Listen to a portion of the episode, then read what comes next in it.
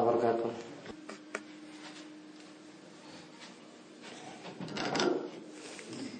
Alhamdulillahirabbil alamin. Hamdan katsiran thayyiban barakan fiikum yuhibbu rabbuna wa yardah. Wa asyhadu an la ilaha illallah wahdahu la syarika lah. Wa asyhadu anna Muhammadan abduhu wa rasuluh. Allahumma salli ala nabiyyina wa sayyidina Muhammad وعلى آله ومن تبعهم بإحسان إلى يوم الدين قال الله تعالى في كتابه الكريم يا أيها الذين آمنوا اتقوا الله حق تقاته ولا تموتن إلا وأنتم مسلمون وقال تعالى يا أيها الناس اتقوا ربكم الذي خلقكم من نفس واحدة وخلق منها زوجها وبث منهما رجالا كثيرا ونساء. واتقوا الله الذي تساءلون به والأرحم إن الله كان عليكم رقيبا. وقال تعالى يا أيها الذين آمنوا اتقوا الله وقولوا قولا سديدا. يصلح لكم أعمالكم ويغفر لكم ذنوبكم. ومن يطع الله ورسوله فقد فاز فوزا عظيما فإن أصدق الحديث كتاب الله وخير الهدى هدى محمد صلى الله عليه وسلم وشر الأمور محدثاتها وكل محدثة بدعة وكل بدعة ضلالة وكل ضلالة في النار معاشر المسلمين para jemaah Sholat Jumat yang mungkin-mungkin selalu dirahmati dan diberkahi oleh Allah Subhanahu wa taala. Kita bersyukur kepada Allah atas nikmat dan karunia yang telah Allah anugerahkan kepada kita sekalian sehingga pada kesempatan siang hari ini di hari penuh barokah di hari penuh kebaikan yaitu hari Jumat kita masih diberikan kesehatan, masih diberikan umur panjang, dan masih diberikan berbagai macam nikmat, nikmat yang lainnya terutama nikmat iman dan nikmat Islam. Mungkin-mungkin kita termasuk di antara hamba-hamba Allah Subhanahu wa taala yang menyadari nikmat-nikmat tersebut. Kita mensyukurinya, mensyukurinya dengan menjalankan ketaatan dan ibadah kepada Allah Subhanahu wa taala dan mudah-mudahan kita tergolong hamba-hamba Allah yang rajin bersyukur dan terus meningkatkan ketakwaan kepada Allah Subhanahu wa taala. Kemudian salawat dan salam Mugi-mugi tercurahkan kepada junjungan kita Nabi besar Nabi Agung Nabi akhir zaman Nabi kita Muhammad Sallallahu alaihi wasallam Pada para sahabat Para tabi'in Para tabi'ut tabi'in Serta para ulama yang telah memperjuangkan Islam dan telah mengajarkannya di tengah-tengah kita sekalian. Masyaallah muslimin, para jamaah sekalian yang semoga selalu dirahmati dan diberkahi oleh Allah Subhanahu wa taala. Kita tahu bahwasanya kadang kita mengalami kondisi sehat dan kadang kita mengalami kondisi sakit.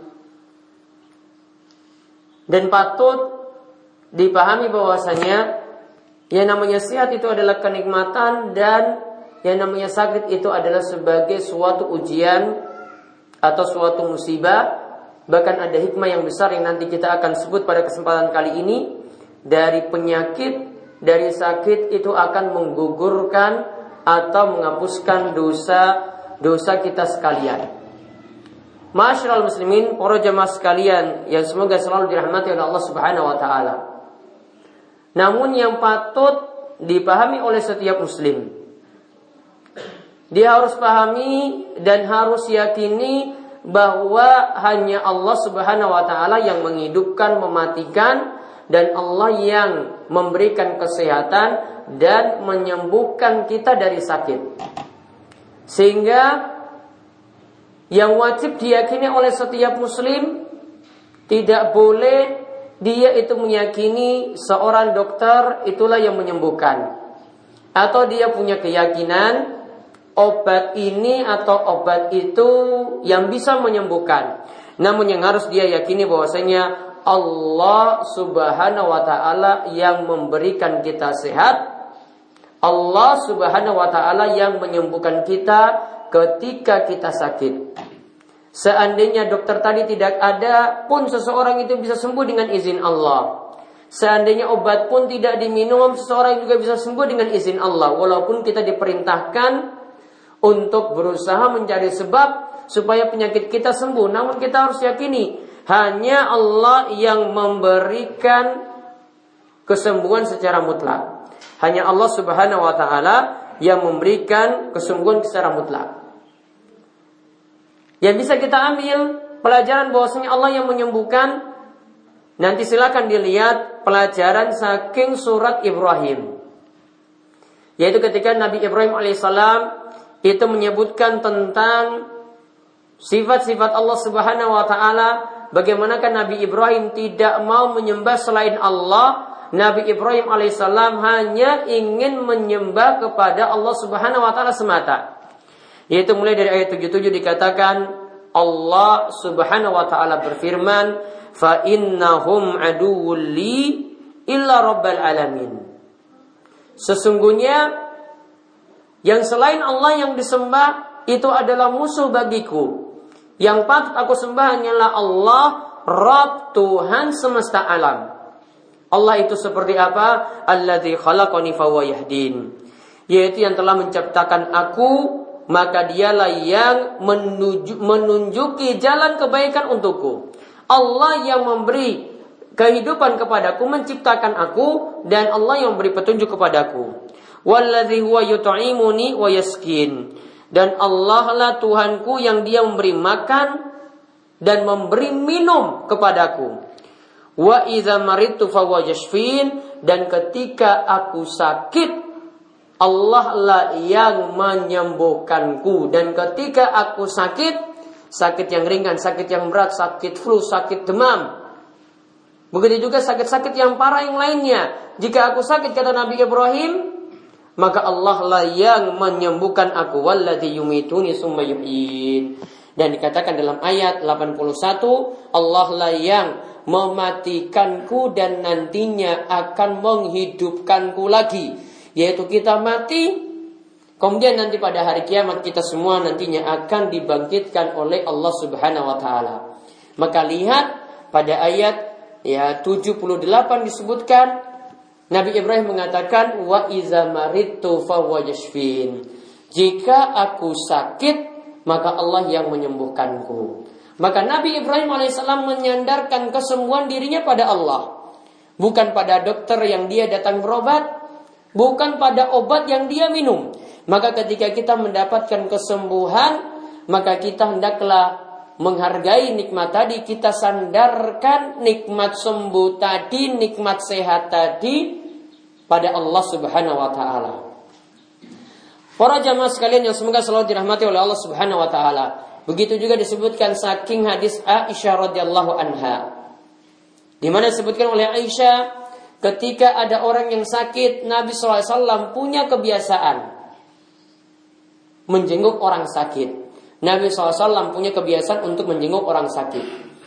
Nah ketika menjenguknya Nabi SAW mengusap orang tersebut, lalu Nabi Nabi SAW, Nabi kita Muhammad Sallallahu Alaihi Wasallam kemudian berdoa, Allahumma Allahumma Rabban nasi, adhibil ba'sa washfi anta syafi la shifaan illa shifauka shifaan la yughadiru saqaman. Hadis ini muttafaqun alaih diriwayatkan oleh Imam Bukhari dan Muslim. Nabi SAW berdoa kepada orang yang sakit ini ketika menjenguknya, Allahumma rabban nas, ya Allah Rabb manusia, adhibil ba'sa, hilangkanlah penyakit pada orang ini, Washfi antasyafi, sembuhkanlah orang ini. Engkaulah yang maha penyembuh ya Allah. La shifaan illa shifauka. Tidak ada obat kecuali darimu. Shifaan la yughadiru sakoman. Mudah-mudahan ketika sembuh dia tidak lagi mendapatkan penyakit seperti itu. Ya penyakit yang tidak mendapatkan bekas. Artinya ketika sembuh mendapatkan kesembuhan yang tidak meninggalkan bekas. Maka dalam hadis ini juga saking hadis Aisyah disimpulkan karena Allah itu di sini dijadikan sebagai penyembuh. Nabi katakan washfi antasyafi. Sembuhkanlah orang ini ya Allah karena engkaulah yang maha menyembuhkan. Maka setiap muslim wajib meyakini hanya Allah Subhanahu wa taala menyebutkan yang menyembuhkan setiap penyakit. Tidak boleh dikatakan dokter, tidak boleh dikatakan obat yang jadi penyembuh. Adapun hikmahnya saat kita saat bapak-bapak dan para jamaah sekalian itu mendapatkan penyakit maka perlu dipahami yang pertama disebutkan saking hadis bahwasanya dengan penyakit itu bisa menggugurkan dosa sebagaimana dedaunan itu berguguran dari pohon. Kita lihat pohon seperti jati misalnya daun-daunnya itu berguguran maka yang namanya orang yang terkena musibah penyakit dosa-dosanya itu bisa diampuni dengan penyakit tersebut. Kata Nabi SAW, "Mamin muslimin yusibuhu ada min maradin famasiwa setiap muslim yang tertimpa musibah, entah ketika itu dia sakit atau mendapatkan musibah yang lainnya, maka illahattallahu bihi sayyiatihi melainkan Allah Subhanahu wa taala akan menghapuskan dosa-dosanya kama tahutu syajarah waraqaha sebagaimana keadaan pohon yang berguguran dedaunan yang ada di pohon tersebut. Maka ketika orang itu dapat penyakit, dosa-dosanya akan berguguran pelan-pelan. Ketika dia dapat sakit, termasuk sakit-sakit yang ringan, apalagi sakit yang berat, itu akan menghapuskan dosa-dosa yang telah dia perbuat.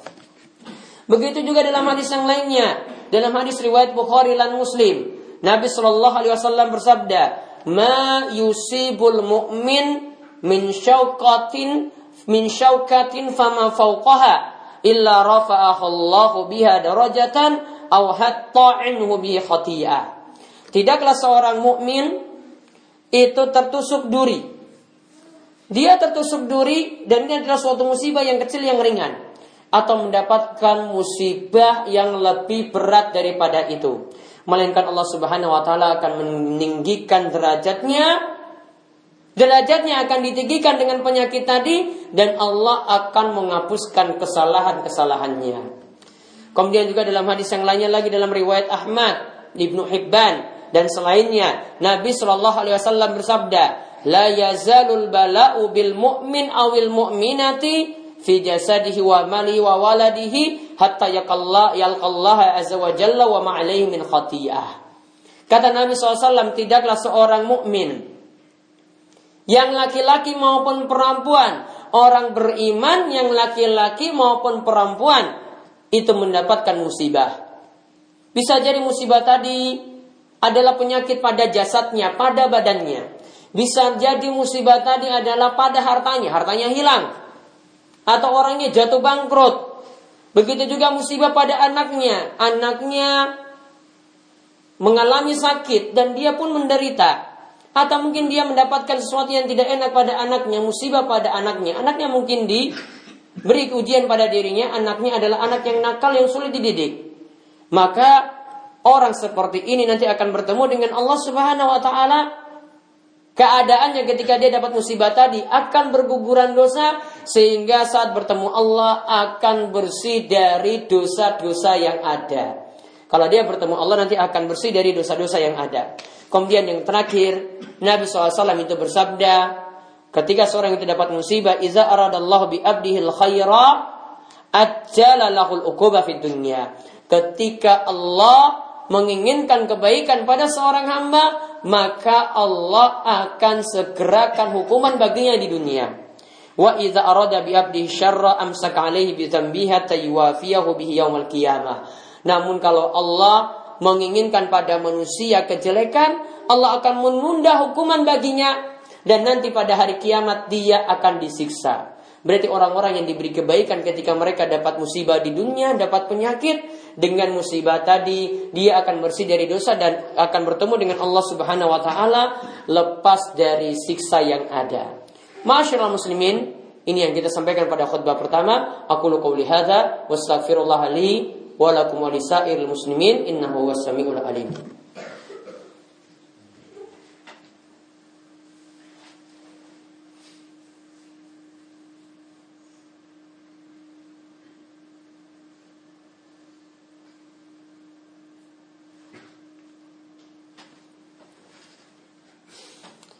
Alhamdulillahirabbil alamin. Wassalatu wassalamu ala asyrafil anbiya wal mursalin nabiyina wa sayyidina Muhammad wa ala alihi wa man tabi'ahum bi yaumiddin. Ma'asyiral muslimin, jamaah salat Jumat yang dimugi selalu dirahmati oleh Allah Subhanahu wa taala. Kesimpulan yang bisa kita tarik dari khutbah yang pertama tadi, yang pertama setiap muslim wajib yakin Allah yang mendatangkan kesembuhan. Seperti kata Nabi Ibrahim alaihissalam, wa iza maritu fahuwa yashfin. Ketika aku sakit, maka Allah lah yang menyembuhkanku. Jadi setiap muslim wajib meyakini Allah yang menyembuhkan segala penyakit dan Allah lah yang memberikan kesehatan kepada kita. Kemudian yang kedua yang wajib diyakini juga bahwasanya dari namanya musibah secara umum. Begitu juga penyakit yang diberikan kepada seorang muslim maka yang pertama itu akan menghapuskan dosa-dosanya. Kemudian yang kedua itu akan meninggikan derajatnya dan yang ketiga dia akan bersih dari dosa atau hukuman ketika dia nanti menghadap Allah Subhanahu wa taala. Maka ketika seorang itu mendapatkan musibah maka wajib baginya bersabar dan mengharapkan pahala dari Allah Subhanahu wa taala, mugi-mugi dari musibah tadi bisa meninggikan derajatnya di dunia dan akhirat menjadi orang-orang yang sabar dan mugi-mugi juga bisa dihapuskan kesalahan baik dosa-dosa yang kecil maupun dosa-dosa yang besar. Masyaallah muslimin rahimani wa rahimakumullah. Di hari Jumat yang penuh barakah, Nabi SAW juga menganjurkan kepada kaum muslimin untuk memperbanyak solawat untuk Nabi. Siapa yang bersalawat kepada Nabi sekali, maka Allah akan membalasnya sebanyak sepuluh kali. Inna Allah wa malaikatahu yusalluna ala nabi Ya ayyuhalladzina amanu sallu alaihi wa sallimu taslima. Allahumma salli ala Muhammad wa ala ali Muhammad kama sallaita ala Ibrahim wa ala ali Ibrahim innaka Hamidum Majid. Allahumma barik ala Muhammad wa ala ali Muhammad kama barakta ala Ibrahim wa ala ali Ibrahim innaka Hamidum Majid. Marilah para jamaah sekalian kita manjatkan doa pada Allah. Mungkin-mungkin di hari Jumat yang penuh barokah ini di hari juga yang diijabahinya doa, dikabulkannya doa, mari kita berdoa pada Allah mungkin-mungkin setiap doa kita diperkenankan dan dikabulkan oleh Allah Subhanahu wa taala. Allahumma ighfir lil muslimina wal muslimat wal mu'minina wal mu'minat al ahya'i minhum wal amwat innaka samii'un qaribun mujibud da'wat. Allahumma qsim lana min khasyatika ma tahulu bihi bainana wa bain ma'siyatik ومن طاعتك ما تبلغنا به جنتك ومن اليقين ما تهون به علينا مصائب الدنيا اللهم متئنا بأسماعنا وأبصارنا وقوتنا ما أحييتنا واجعله وارث منا واجعل ثأرنا على من ظلمنا وانصرنا على من أدانا ولا تجعل مصيبتنا في ديننا ولا تجعل الدنيا أكبر همنا ولا مبلغ علمنا ولا تسلط علينا man. Ya Allah, ya Rob kami, ampunilah segala dosa-dosa kami. Ya Allah, ya Rob kami, ampunilah segala dosa-dosa kedua orang tua kami. Ya Allah, ya Rob kami, ampunilah dosa setiap orang yang telah meninggal dunia mendahului kami. Ya Allah, jadikanlah hidup kami ini persiapan untuk menuju alam akhirat. Ya Allah, hilangkanlah kesulitan kami, kesulitan-kesulitan yang berat di dunia. Orang-orang yang sehat segera orang yang orang yang sehat tetaplah ditetapkan kesehatannya. Orang-orang yang sakit tolonglah diangkat penyakitnya. Berilah kesembuhan yang tidak membekas. Begitu juga orang-orang yang terlilit utang, yang lunasilah utang-utang mereka dan diangkat dari berbagai macam kesulitan yang ada. Ya Allah, ya Rob kami turunkanlah keberkahan rizki dari langit. Ya Allah, turunkanlah keberkahan hujan dari langit. Allahumma agisna, Allahumma agisna, Allahumma agisna. Ya Allah, ya Rob kami, berikanlah kami pemimpin yang dapat meng mengayomi kami, membimbing kami dan juga memberikan kemaslahatan bagi umat ini. Ya Allah, ya Rabb kami, bimbinglah kami untuk terus beramal soleh, menjaga sholat kami, menjaga ibadah kami dan terus menjaga ibadah-ibadah kami di masjid maupun ibadah kami di setiap tempat-tempat yang lainnya. Rabbana atina fid dunya hasanah wa fil akhirati hasanah wa qina adzabannar. Wa sallallahu ala nabiyyina Muhammadin wa ala alihi wa sahbihi ajma'in. Walhamdulillahi rabbil alamin.